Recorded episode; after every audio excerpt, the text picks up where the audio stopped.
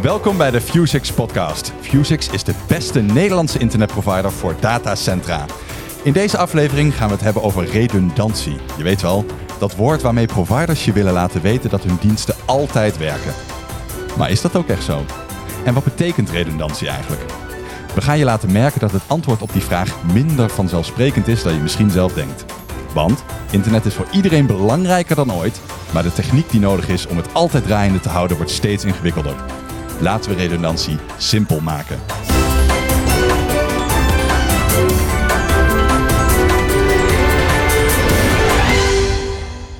Welkom bij de Fusix podcast. We duiken elke aflevering samen met Julia Maklien en Niels Raaier in een van de onderwerpen die internetproviders voor datacentra draaiende houden. En deze aflevering is dat dus redundantie. Maar laten we ons eerst even voorstellen, want dit is de eerste aflevering van de Fusix podcast. En dus is het mijn genoegen om je voor te stellen aan uh, Julia. Waarom heeft Fusix een podcast nodig? Omdat we ons verhaal willen delen. Uh, Niels en ik hebben los van elkaar jaren ervaring in internetprovider en connectiviteit. En een jaar of zes geleden hebben we besloten om een, nog een be betere versie ervan te maken van onze visie. Wat een beste internetprovider voor datacentra kan zijn. En nu willen we dat delen. En kun jij vertellen wat jouw rol is bij Fusix? Ik neem de telefoon op als, uh, als mensen ons. Moet ook gebeuren. ja, als, als mensen ons uh, willen bereiken en spreken. En uh, dat, dat kan van alles zijn. Dus ik praat met leveranciers en met de klanten, met mensen die wat meer willen weten over waarom we een of andere prijs voorstellen voor onze diensten, of ze willen weten wat de diensten zijn. En dat vind ik altijd een heel leuk gesprek. Daar krijg ik dagelijks inspiraties van. Is het dan flauw om te zeggen dat je meer aan de verkopende kant zit? Ja, dat, dat kan je wel zeggen, maar dat, dat hoor ik niet graag. Oké. Omdat uh, je kan het wel noemen product management, maar dat is een heel, echt een zo'n chic woord. Want op je visitekaartje staat directeur. Ja, inderdaad. dat, dat staat op mijn kaartje en dat, dat ben ik ook. Omdat ik alles doe waar Niels niet zoveel zin in heeft. Nou, je hintte er al naar. Niels zit hier ook aan tafel. We moeten hem goed in het gereel houden en een beetje de nerd kunnen laten uithangen aan onze schone taak. Je zit hier aan tafel. Niels, kun je uitleggen wat een internetprovider voor datacentra inhoudt? Want ik ken hem voor mij thuis. Ik ken hem in de context van zakelijk. Dan denk ik aan kantoren. Maar dit is een internetprovider voor datacentra. Ja, dat is een goede vraag, eh, Randal. Kijk, in principe als jij een eh, applicatie hebt en die moet ergens op het internet bereikbaar zijn. Stel je wil eh, de nieuwe YouTube beginnen of zo, ik zeg maar wat. Nou, dan zet je je servers in een datacenter neer. In de cloud, in de cloud. Ja, de cloud, de cloud. De cloud is, is ook maar uh, andermans computer. Uh, dus als je dat uh, in de cloud wil, dan kan dat. Maar je kan het ook zelf doen. En, en je zegt net dat ik lekker moet nerden hier aan tafel. Nou, een nerd doet het natuurlijk gewoon zelf. Dus die gaat naar een datacenter, die huurt een rek, die koopt servers en die zet die servers in dat rek. En dan? Want dan moeten de servers aan het internet gekoppeld worden. Nou, dat doen wij als Fusix, als provider voor datacentra. Hoe is dat op je pad gekomen? Eigenlijk heb ik uh, al vanaf 1999 uh, allerlei werk gedaan voor internetproviders. Uh, een paar jaar daarvoor ben ik Fusix gestart, omdat ik uh, toen op de universiteit in aanraking kwam met internet en e-mail. En ik dacht, uh, goh, elk kantoor heeft dit nodig. Mm -hmm. Nou, geloof het of niet, in die tijd werd ik vaak uitgelachen omdat mensen niet inzagen waarom ze hun eigen e-mailadres nodig zouden hebben op kantoor. En iedereen die dat wel inzag, is nu inderdaad zo nerd als jij, die daar gewoon zijn werk van heeft gemaakt. Absoluut. Ja, hmm. Dus toen dat bedrijf niet zo'n uh, enorm doorslaand succes was als ik had gehoopt, toen ben ik bij internetproviders gaan werken. Daar heb ik allerlei dingen geleerd, vooral door het uh, veel stuk te maken. Maar uh, daarna uh, als consultant hier en daar gewerkt. En dat was eigenlijk ook wel leuk. Wat ik daar leuk aan vond, was dat je met veel verschillende klanten, veel verschillende bedrijven in aanraking komt. En dus op veel verschillende manieren leert hoe je hun netwerk kan inrichten. Met uh, de juiste spullen, de juiste protocollen, de juiste configuraties.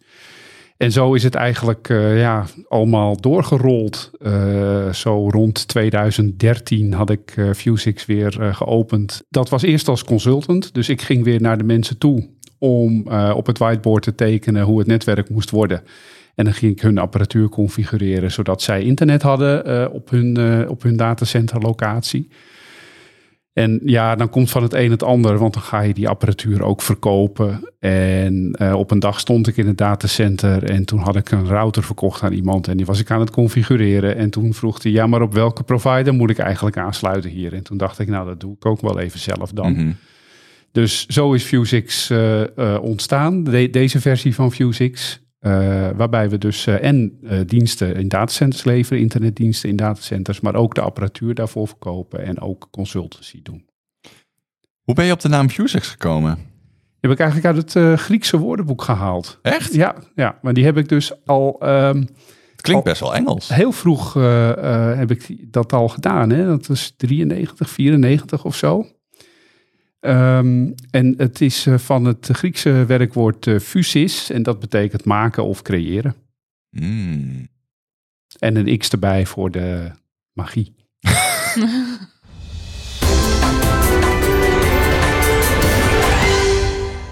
Oké, okay, redundantie dus. Uh, is best wel een bekend begrip voor iedereen die wel eens iets met IT heeft gedaan.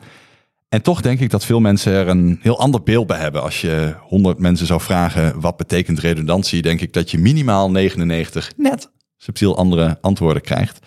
We leggen het voor aan een klant van Fusix, namelijk Freedom Internet. Je weet wel, die onafhankelijke provider die ooit is ontstaan na het initiatief Access for All moet blijven.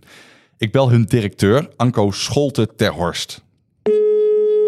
Hey. Hey Anko, jij was snel met opnemen. Hoe belangrijk is redundantie voor Freedom Internet? Nou, ik denk dat dat voor elke provider geldt. En natuurlijk ook voor ons. Maar wij zijn natuurlijk een kwalitatief uh, premium provider. Dus redundantie is heel belangrijk. Want wat je wil bereiken is dat je klanten altijd uh, internet hebben. Dus dat je een hoge uh, beschikbaar hebt van je netwerk. En daarmee is redundantie een noodzakelijk iets. Daar, daar kun je niet omheen. En dat is dan specifiek om storingen te voorkomen? Ja, nou ja, eigenlijk uh, storingen te voorkomen. Kijk, storingen zul je altijd hebben. Uh, dat is nou een fact of life. Maar uh, je wil dat eigenlijk je klanten en, en de gebruikers van je netwerk het eigenlijk niet merken of dat die daar geen effecten van hebben. Dus je zult iets in je netwerk moeten bouwen of je, hoe je je systemen opzet. Dat daar op dusdanige veel over safety in zit. En daar, daar redundantie een belangrijke rol in zodat die klanten daar eigenlijk geen erg in hebben als die storing er is. En dat, dat is cruciaal belang om ons uh, kwaliteitsstempel te behouden. Ja, dus eigenlijk versta jij onder redundantie zorgen dat bepaalde dingen stuk mogen gaan. Absoluut. En, want er gaan gewoon altijd dingen stuk. Ik bedoel, we kunnen wel zeggen, we leven niet in de perfecte wereld. Maar uiteindelijk is het apparatuur uh, die je gebruikt om, om data te verstouwen. Daar zijn apparaten en apparaten hebben de neiging kapot te gaan. Die hebben een end of life of een mean time between failures.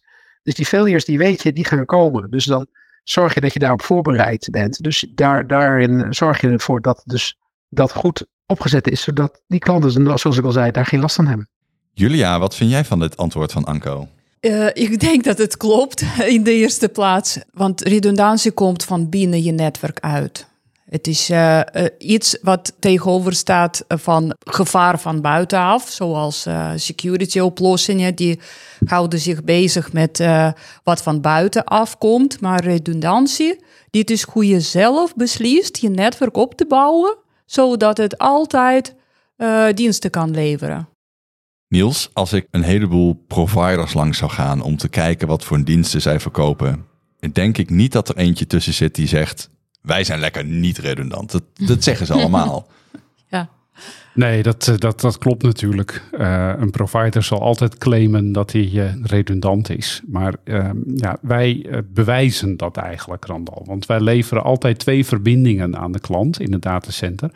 Die verbindingen komen op verschillende apparaten uit aan onze kant. Sterker nog, eigenlijk hebben we gewoon twee aparte netwerken. Zijn we eigenlijk gewoon twee aparte internetproviders. En daardoor bewijzen we eigenlijk bij elke storing of bij elk gepland onderhoud, hè, want het hoeft niet per se een storing te zijn waardoor een verbinding down gaat. Het kan ook zijn dat er een router geüpgrade moet worden of dat er bijvoorbeeld een fiber omgelast moet worden omdat er een weg aangelegd wordt. En in dat soort gevallen zal een verbinding dus ook down gaan. Maar doordat wij aan de klant kunnen laten zien van hey, tijdens deze werkzaamheden blijft jouw dienst gewoon werken, bewijzen we dat we het echt redundant hebben aangesloten. Kunnen we daar even op inzoomen? Want jij zegt twee internetproviders en je zegt ook um, we bewijzen dat doordat het altijd werkt. Maar het vind ik ingewikkeld. Want als ik twee verbindingen bij twee verschillende providers afneem, zegt mijn gevoel dat het ook altijd werkt. Ja, dat gevoel dat klopt. En uh, ik denk dat dat voor jou thuis ook wel zou werken. Want als jij thuis twee verschillende internetproviders hebt, dan uh, kun jij gewoon over allebei naar Netflix, over allebei naar YouTube, uh, ja, wat je wil doen. Dat kan eigenlijk gewoon met allebei die verbindingen. Maar in een datacenter ligt dat een beetje anders, omdat de servers waar jij je diensten op aanbiedt, die moeten natuurlijk altijd over hetzelfde IP-adres bereikbaar zijn. Dat is zo. En als jij thuis een glasvezel en een kabelverbinding hebt, dan komen die uh, wel binnen met een verschillend IP-adres. En voor jou thuis maakt dat niet uit, omdat jij, ja, als je naar YouTube gaat, maakt het eigenlijk niet zo gek veel uit wat jouw IP-adres is, want het verkeer komt toch terug naar jou op dat IP-adres. Maar stel dat je zelf dus een dienst host in een datacenter, dan wil je toch dat ongeacht welke verbinding er down is, uh, dat jouw server op, op hetzelfde IP-adres bereikbaar is. Je vertelde net eigenlijk al dat je het daarom zo bouwt als twee internetproviders. Hoe leg je dat uit? Want het heet allebei Fusex. Ik denk ook dat je één factuur krijgt met het logo van Fusex erboven. Dat krijg je zeker. Ja, wij hebben eigenlijk twee netwerken gebouwd, omdat we twee core routers hebben die op twee verschillende locaties staan. En vanuit allebei die locaties gaan de glasvezels naar alle datacenters waar we zitten. Anders dan in andere netwerken hebben wij die twee eigenlijk niet met elkaar verbonden. Hmm. Dus uh, ze nemen elkaar over, maar de klant moet daarvoor wel op allebei de netwerken aansluiten. Nou, wij noemen dit het dubbelster-model. Want als je dubbelster. Dus, ja, als je kijkt naar, naar, die, naar die core routers die daar staan, dan daar vanuit gaan allemaal lijntjes naar alle datacenters waar we zitten. Dus dat zijn eigenlijk twee sternetwerken. Een sternnetwerk, omdat ze stralen. En elke Juist. verbinding is een straal. Ja, Wat van- mooi. Ja, vanuit iets in het midden. Ja. Maar wacht even, dubbelster, heb je vast niet zelf verzonnen. Het is een natuurkundig fenomeen eigenlijk. Want eh, in, in sommige systemen, er zijn dus twee sterren en planeten, in ons geval datacenters, eh, die, draaien, aarde en, en, en Mars. die, die draaien dus rond eh, allebei de sterren. En nou, als je een core-router als zo'n center ziet waar vandaan verbindingen naar datacentra gaan. En elk datacenter k- krijgt dus twee verbindingen naar elk van, van die routers. Nou, dit, dit is hoe ons eh, design in elkaar zit. En wat enorm belangrijk hier is, dat deze twee verbindingen, dus naar elke van, van de sterren, die zijn actief-actief. Dus je hebt geen veel over van je primaire naar backup verbinding of andersom. Het is zo, als het niet werkt, als één niet werkt, dan werkt vanzelfsprekend, blijft de andere werken. We hoeven amper of nooit redundantie testen op ons netwerk.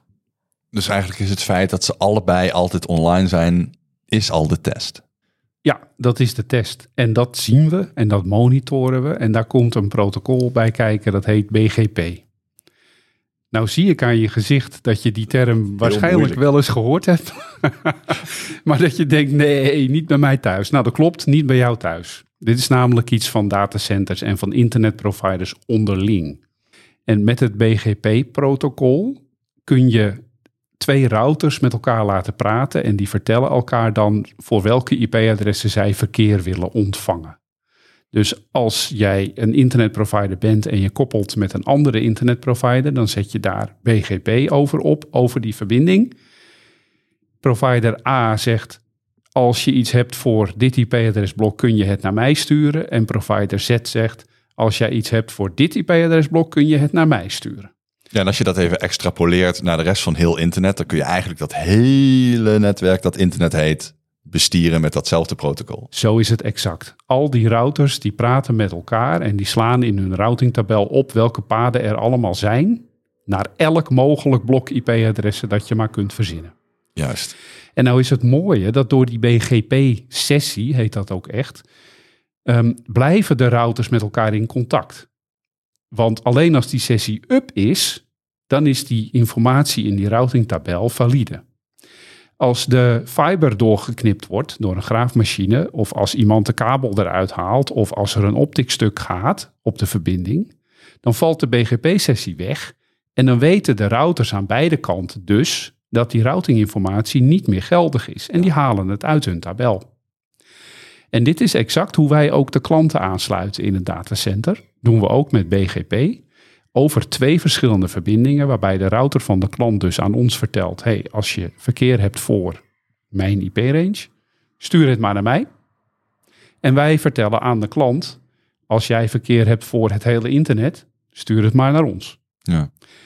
En dat zijn twee losse verbindingen met twee losse BGP-sessies, die dus los van elkaar allebei down kunnen gaan. Maar zolang er één up is, is de dienst van de klant 100% up. Ik moet wel zeggen, op het moment dat je dit uit zit te leggen, denk ik, nou, dit klinkt als een hele verstandige techniek, zodat ik in ieder geval altijd toegang tot het internet heb. Tegelijkertijd geeft het me ook het gevoel dat het misschien wel eens verdomde lastig kan zijn om klant te zijn bij Fusix, omdat het zo ingewikkeld klinkt. Niels, help mij. Dat denken mensen inderdaad vaak, maar het is zo dat als we daar even een gesprekje over aanknopen, dat die mening vaak wel uh, omdraait. Want het is niet verschrikkelijk ingewikkeld. Dat in de eerste plaats. In de tweede plaats helpen wij natuurlijk hierbij. Wij hebben er een belang bij dat al onze klanten keurig netjes redundant zijn aangesloten en altijd up zijn. Want in de eerste plaats is dat fijn voor de klant. Hm. Maar in de tweede plaats is dat ook fijn voor ons. Want ja, we hebben natuurlijk wel een storingsdienst, 24 keer 7. Maar uh, nog fijner dan storingsdienst 24 keer 7 hebben, is natuurlijk gewoon kunnen slapen. Hè? Dat een storingsdienst wordt niet geweld. Dat zou nog leuker zijn. Ja. Dus een klant krijgt bij ons nooit zomaar een briefje van, nou, hier zijn je gegevens van de link en heel veel succes ermee. Wij zorgen er altijd voor dat dat netjes is aangesloten. Wat voor soort of merkapparatuur dat nou ook is, dat maakt niet uit. Julia, hoe pak jij dat aan? Heb je wel eens klanten aan de lijn die denken, oeh, dit klinkt spannend. Misschien uh, heb ik hier wel hulp bij nodig. Ja, ja natuurlijk. Uh, en uh, daar helpen we mee. want in principe, moderne laag 3 switches die klanten gebruiken om hun Fusix internetverbinding in te prikken aan de zijde van de klant. Ze kunnen nou bijna allemaal BGP spreken. Dus dat de protocol staat daar enabled en uh, het, het, kost ons een uh, half uurtje uh, tot één uur om de apparatuur van de klant ook met die protocol te configureren. Dus daar, daar zit helemaal geen probleem in. Wat redundantie in ons geval betekent, is dat we onder die IP-laag de infrastructuur zelf dubbel uitvoeren. En dat is om even, even terug te komen op dubbelster-fenomeen. Dus alles wat onder IP-laag ligt, en dat zijn uh, appa uh, apparaten, stroom in uh, datacentra, fiberverbindingen. Dat is in ons geval dubbel uitgevoerd om te voorkomen dat er een, een veel over van één infra naar andere moet gebeuren bij uitval. Waarom is dat belangrijk? Omdat BGP-sessies, waar Niels dat over had, die kunnen dus tegelijkertijd op twee onafhankelijke fysieke infrastructuren lopen.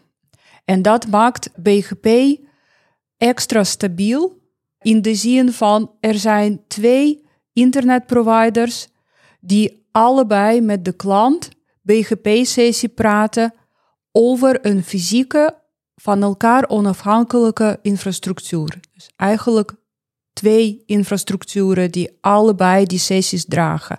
Want als je dat onder uh, BGP-laag, de fysieke laag, niet helemaal in orde hebt, dan moet jouw BGP-sessie van één fysieke verbinding naar andere overschakelen. En dan heb je alsnog uh, dat actief-passief verhaal en alle veel-over procedures. Als het tegelijkertijd twee actieve BGP-sessies op twee onafhankelijke fysieke infrastructuren lopen, dan, zoals Niels het zegt, één kan altijd uitvallen. Er gebeurt letterlijk niets voor, voor de dienstverlening. Want die blijft gewoon werken. Ja, als je kijkt uh, in de routers aan onze kant of de kant van de klant, nou dan heeft de router van de klant gewoon twee default routes naar buiten. Nou, dat is hetzelfde als dat je thuis zou hebben, alleen thuis heb je er één. Bij ons heeft de klant dan dus twee default routes. Eén naar elk van onze netwerken. En wij hebben twee routes naar de klant. En op het moment dat er ergens een fiber stuk gaat, valt één van de sessies weg, waardoor die route verdwijnt. Maar de route die overblijft, die was er al, die was al actief. Dus er is letterlijk nul overschakeltijd. Ja, maar toch, ik hintte er eerder al naar dat er meerdere manieren zijn om redundantie uit te leggen. En een van die uitleggen zou zijn: ik heb gewoon één verbinding die altijd werkt. En ik heb een backup verbinding, die heb ik gewoon just in case. We kunnen wel overschakelen. Dat is die veel over die Julia net noemde. Wat zou daarop tegen zijn? Het kost tijd. Het overschakelen kost altijd tijd in zo'n uh, in zo'n geval. En daarnaast, de ervaring leert eigenlijk altijd dat de backup verbinding het niet doet op het moment dat je hem nodig hebt. Uh, veel uh, provider-netwerken en datacenter-netwerken zijn nog altijd gebouwd als een ring. Vooral als er tussen datacenters iets uh, getransporteerd moet worden. Nou, bij zo'n ring, ja, Ethernet, eerste les is, je zult nooit een ring bouwen. Nou, wat doen mensen? Ze bouwen een ring. Juist. Ja. Dan moet je dus altijd één verbinding dicht houden, dicht laten staan. Anders komt er een loop en dan is je netwerk helemaal down. En je zal altijd zien dat op het moment dat je die ene verbinding nodig hebt, omdat er ergens anders wat is weggevallen, dat hij het niet doet. Omdat er een fiber doorgegaan is of er een optikstuk is of zo. En je kan het niet testen, want als, als het backup verbinding is, dan is het die inactief. Dus je kan het ook niet monitoren. Je kan monitoren en weten dat iets kapot is alleen als het iets actief is. Want monitoring systeem kan niet zeggen over inactieve verbinding dat daar iets weggevallen is. Maar dat klinkt een beetje alsof ik net zo goed twee verschillende providers kan nemen in het datacenter. Waarom zou ik dat niet gewoon doen? Wat ons sterke punt is, wij beheren al deze twee sterren helemaal zelf. Dat betekent dat je twee netwerken hebt, maar één uh, netwerk monitoring center. En die kan op allebei de infrastructuren ingrijpen en ook zorgen dat ze niet dezelfde fouten maken. Want in vergelijking bijvoorbeeld met neem twee onafhankelijke internetproviders voor je datacenteromgeving en dan ben je even ver als met Fusix en haar twee infrastructuren. Wat het betekent als je twee internetproviders aansluit, ze kunnen dezelfde type apparatuur gebruiken in hun core infrastructuur, bijvoorbeeld uh, Juniper, Nokia, allemaal heel goed apparatuur. Ze kunnen ook dezelfde softwareversies op die apparaten draaien. En als in die softwareversie dezelfde fout zit, dan zijn ze allebei alsnog down.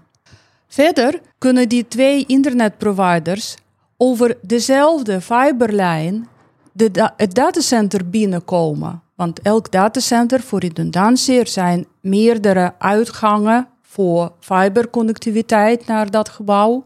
Maar je kan nooit jouw twee internetproviders laten met elkaar afspreken dat ze niet hetzelfde ingang, het gebouw in gebruiken voor hun fibers, voor hun onderliggende infrastructuur.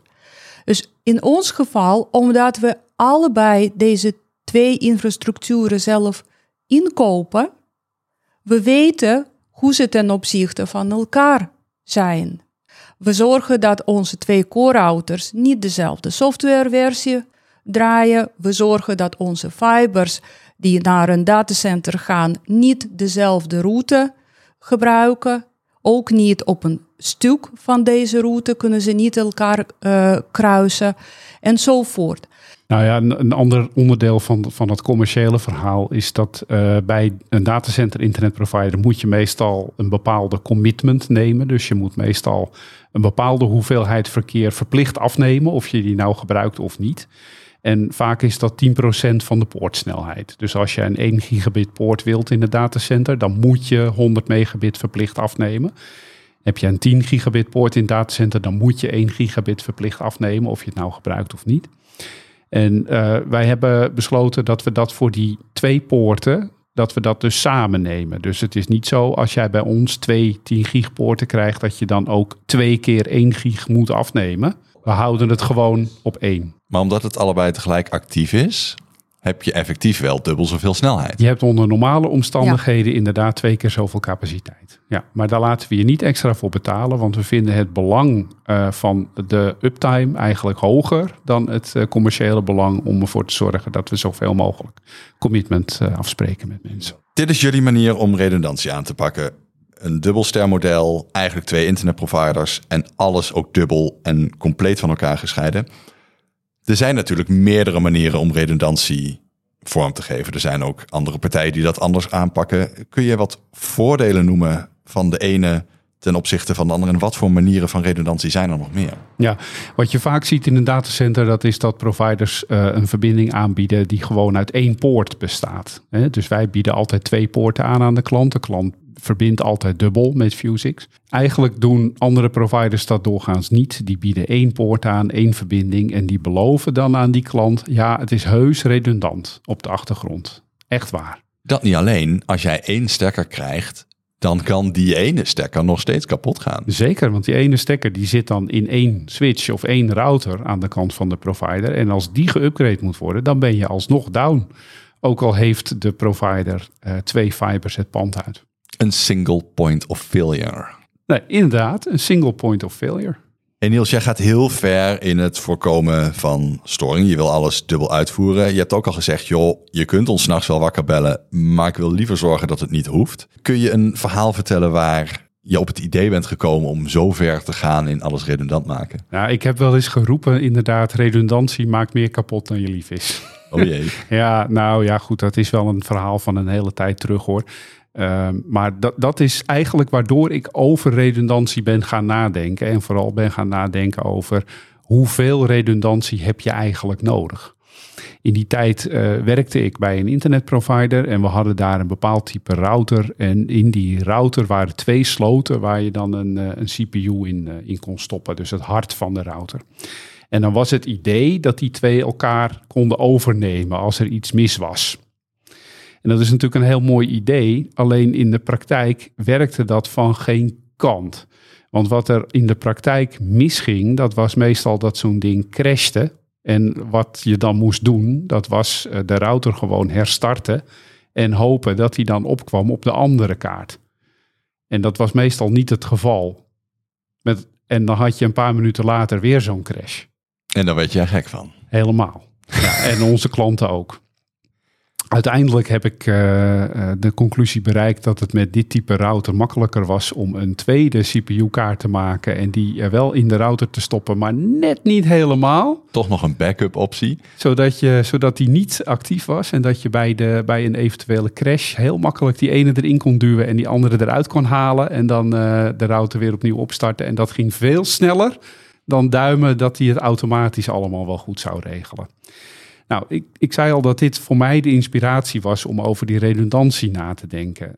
Ik zie al helemaal voor me hoe je met een nieuwe klant het gesprek gaat hebben over SLA's. Want iedereen wil graag op papier zien dat er 99, heel veel negens achter de komma staat. Dat jullie garanderen dat de boel up is. Julia, zou je iets kunnen vertellen over de smaak internet die jullie verkopen? Want je wil bij een klant altijd twee netwerken, maar kan ik ook kiezen voor één? En is dat dan altijd managed of kan ik ook dingen zelf doen? Welke smaken verkopen jullie? Eh, SLA is altijd hetzelfde. Als iemand op Fusix aansluit op de manier waarop we dat uh, adviseren om te doen, dus met twee verbindingen, met twee BGP-sessies, allebei de verbindingen zijn actief, dan, dan krijgen de klanten deze SLA. En het kan niet minder zijn. We kunnen ook klanten helpen om zijn zijde zodanig in te richten dat ons verbinding altijd voor hun werkt. Want in principe wat ze allemaal willen bereiken is dat hun diensten altijd op het internet bereikbaar zijn. Ja. Als je dan redundantie binnen je eigen infrastructuur ook in orde maakt, dan werkt die 100% uptime van Fusix ook wel voor je. Maar als je dan fouten maakt aan jouw eigen zijde en je prikt allebei de verbindingen van Fusix in dezelfde apparaat bijvoorbeeld, en dat apparaat gaat down, dan heb je niks aan de uptime van Fusix, want jouw eigen zijde is dan down geweest.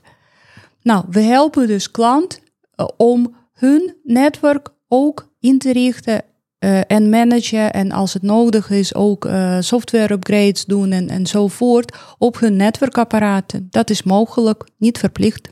Wat zou er gebeuren als het allebei down zou zijn? Nou, er is uh, natuurlijk een formule. om, ja, om uit te rekenen wat de verplichtingen van de provider zijn als hij niet aan de SLA voldoet. En is dat dan geld?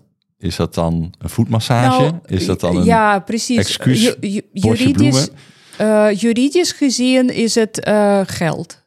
Maar we, we vinden dat niet alles in geld uh, uitdrukt kan zijn.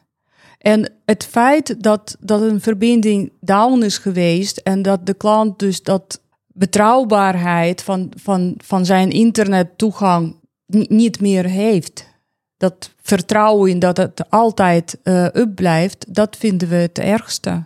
Af en toe moeten we klanten ook een beetje helpen uh, om dit in te zien. Want je hebt wel eens uh, bedrijven die vragen ons een offerte toch voor een enkelvoudige verbinding. En die vragen dat dan omdat ze zeggen, ja maar wij hebben al een andere provider. En daar sluiten we ook op aan met BGP. Dus het is al redundant. Ja. Nou, is op zich geen vinger tussen te krijgen. Dat is zo, dat is redundant. Alleen het probleem is dat je eigenlijk nooit weet als je twee verbindingen hebt via twee providers, of die twee echt wel helemaal gescheiden zijn. Want wat heel vaak voorkomt, dat is dat beide providers een uh, uh, verbinding hebben over één fiber of door één duct die dat datacenter uitgaat.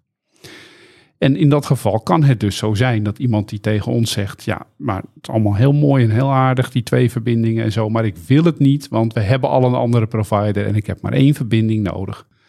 Nou, daar proberen we een uh, potentiële klant toch altijd van af te praten. En we proberen de klant toch twee Vue6 verbindingen te verkopen. Omdat het beter is. Want stel je voor, beide verbindingen lopen door dezelfde fiber. Dan is het alsnog helemaal down. Er zit een bepaalde mate van ironie in natuurlijk. Dat het hele verhaal tot nu toe gaat over dingen dubbel uitvoeren. En je vervolgens als advies moet geven. Neem nou toch maar één internetprovider. Nou, Randal, denk daar maar eens over na. Het is inderdaad zo, als jij één verbinding hebt, nou, dan neem je die natuurlijk bij één provider. Kan niet anders. Als je twee verbindingen hebt, dan is mijn advies ook altijd om die bij één provider te nemen. Want dan kun je dus contractueel afdichten dat die redundant zijn ten opzichte van elkaar. Pas als je een derde verbinding gaat nemen, zou ik naar een andere provider gaan kijken. Als jij, uh, het is een iets andere wereld, maar als je in de glasvezelwereld gaat kijken, je, uh, je bent, uh, dan doen we even of jij de directeur bent van Fusix. Je hebt een mooi datacenter ergens in het land gevonden en je zegt, wauw, hier zitten topklanten, hier willen we graag onze dienst gaan aanbieden. Mm -hmm. Nou, dan gaat Fusix dus daar apparatuur neerzetten en dan moeten we ook twee glasvezelverbindingen hebben naar buiten. Denk er eens over na. Zou je voor die twee dan twee verschillende glasvezelleveranciers vragen? Of eentje? Op het moment dat ik contractueel af moet dichten dat ze allebei een andere kant op graven, geeft me dat twee keer zoveel gedoe. Terwijl als ik er eentje aan moet spreken en ik zeg, doe ze allebei rustig, dan gaan zij dat gedoe voor mij regelen. Nou, dat klopt. Ja. Dat is het precies. Want de grap is ook, je weet niet, uh, je weet misschien wel hoe het nu is, maar je weet niet hoe het in de toekomst wordt. Dus je kan nu wel vragen aan provider A, geef mij je kaart van hoe de glasvezel loopt. En aan provider Z, geef mij je kaart hoe de glasvezel loopt. En die twee over elkaar heen leggen. En hé, hey, er zit geen overlap in. Hartstikke goed. Een maand later heeft provider Z onderhoud. En loopt zijn glasvezel ineens aan de andere kant van de weg. Mm -hmm. En toch samen met provider A. En dat weet je dan niet.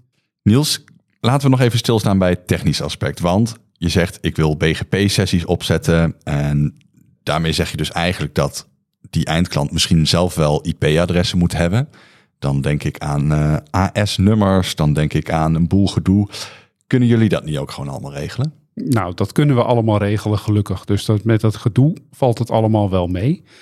Uh, gelukkig uh, zijn er veel klanten die toch op een of andere manier nog zelf de hand hebben gelegd op wat IP-adressen. En die kunnen ze natuurlijk via ons netwerk routeren. Die zijn schaars natuurlijk. Die zijn heel schaars, ja. Uh, sterker nog, ze zijn eigenlijk op. Mhm. En heel af en toe wordt er nog ergens een blokje gevonden.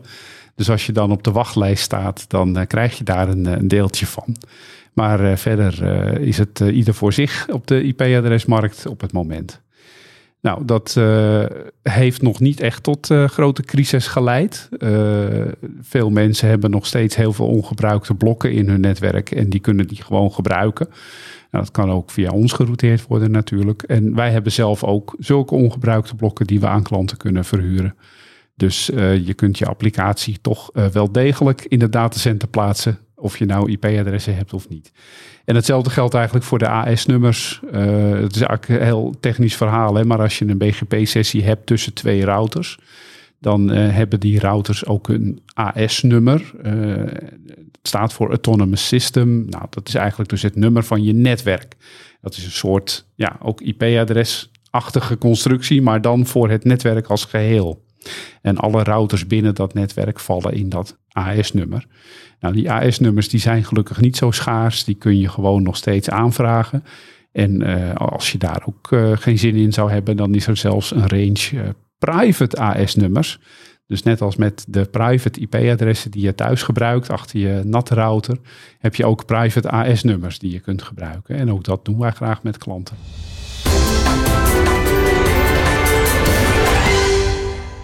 Zoals elke aflevering laten we ook luisteraars vragen insturen. Dat kun je doen via het e-mailadres podcast.fusix.nl. We zijn alvast heel benieuwd wat voor vragen jullie voor de komende afleveringen gaan insturen. En of jullie opmerkingen hebben of dingen die jullie uh, uit de vorige aflevering nog beter uitgelegd zouden willen krijgen. Je kunt mailen naar podcast.fusix.nl met eigenlijk alles wat wij hier zouden kunnen behandelen. En de eerste vraag die we over redundantie binnen hebben gekregen is die van Boba. En die wil ik toch even aan jullie stellen. Hij vraagt zich af, ik wil thuis ook redundant zijn. Want een datacenter is heel leuk, maar bij mij thuis moet het ook altijd kunnen werken. Dus ik wil naast mijn glasvezelverbinding ook iets anders. Wat moet ik dan doen? Moet ik dan uh, kabel of DSL of misschien een satellietschotel op het dak zetten? Hoe zouden jullie dat aanpakken? Ja, thuisinternet is niet helemaal onze, onze business eigenlijk. Uh, toch vind ik de vraag van Boba heel leuk, want het is een, eigenlijk een echte nerdvraag. Mm -hmm. De gemiddelde Nederlander die zou natuurlijk als zijn uh, glasvezelverbinding of zijn kabelverbinding het niet doet, gewoon de mobiele telefoon pakken en daar verder uh, kijken naar Netflix. Uh, dus zo'n probleem is het niet. Maar een nerd wil natuurlijk inderdaad altijd snel internet hebben. En wat dat dan ingewikkeld maakt, dat is dat IP-adres. Daar komen we eigenlijk op terug. Want waarom wil die nerd snel internet hebben? Waarschijnlijk omdat hij een servertje in de meterkast heeft draaien. Dat zit er dik in, ja. Ja, ja dat dacht ik al. En die moet dan van buitenaf natuurlijk altijd op hetzelfde IP bereikbaar zijn. Bij voorkeur wel. Ja, nou, dan ontkom je eigenlijk niet aan het aanleggen van een of ander VPN of zo. Waarbij dat dan weer naar een datacenter loopt. Waar wel een vast IP-adres erop staat. En op die manier via een VPN naar huis wordt getransporteerd over meerdere verbindingen. En wat je dan doet, ja, dat maakt eigenlijk niet zo gek veel uit. Hè? Of het glasvezel of kabel of satelliet is. Uh, ja, 5G-oplossingen uh, uh, worden ook veel gebruikt tegenwoordig. je kunt routers kopen waar je gewoon een simkaart in stopt en pam, je hebt 5G-internet. En dat ja. wordt vaak ook gebruikt ja. voor kantoorverbindingen. Waar een glasvezel opgeleverd gaat worden, maar die nog niet geleverd is. Nee, maar de redundantie waar wij deze aflevering al die tijd over gehad hebben, die gaat je thuis denk ik niet lukken. Klopt. Dus de tip aan Boba is eigenlijk het beste wat Boba zou kunnen doen is in het datacenter gaan wonen.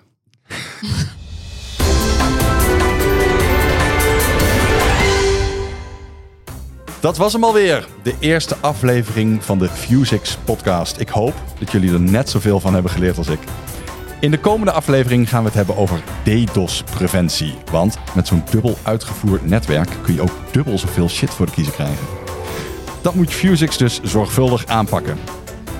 Deze podcast wordt gemaakt door Fusix. Je hoorde Niels Raaier en Julia Maklien. En mijn naam is Randal Pelen. Deze podcast werd geproduceerd door YOLO Media. En heb jij nou vragen over DDoS-preventie of wil je iets uh, toevoegen aan deze aflevering? Mail dan naar podcast.fusix.nl. We horen jullie vragen en opmerkingen graag in de volgende aflevering.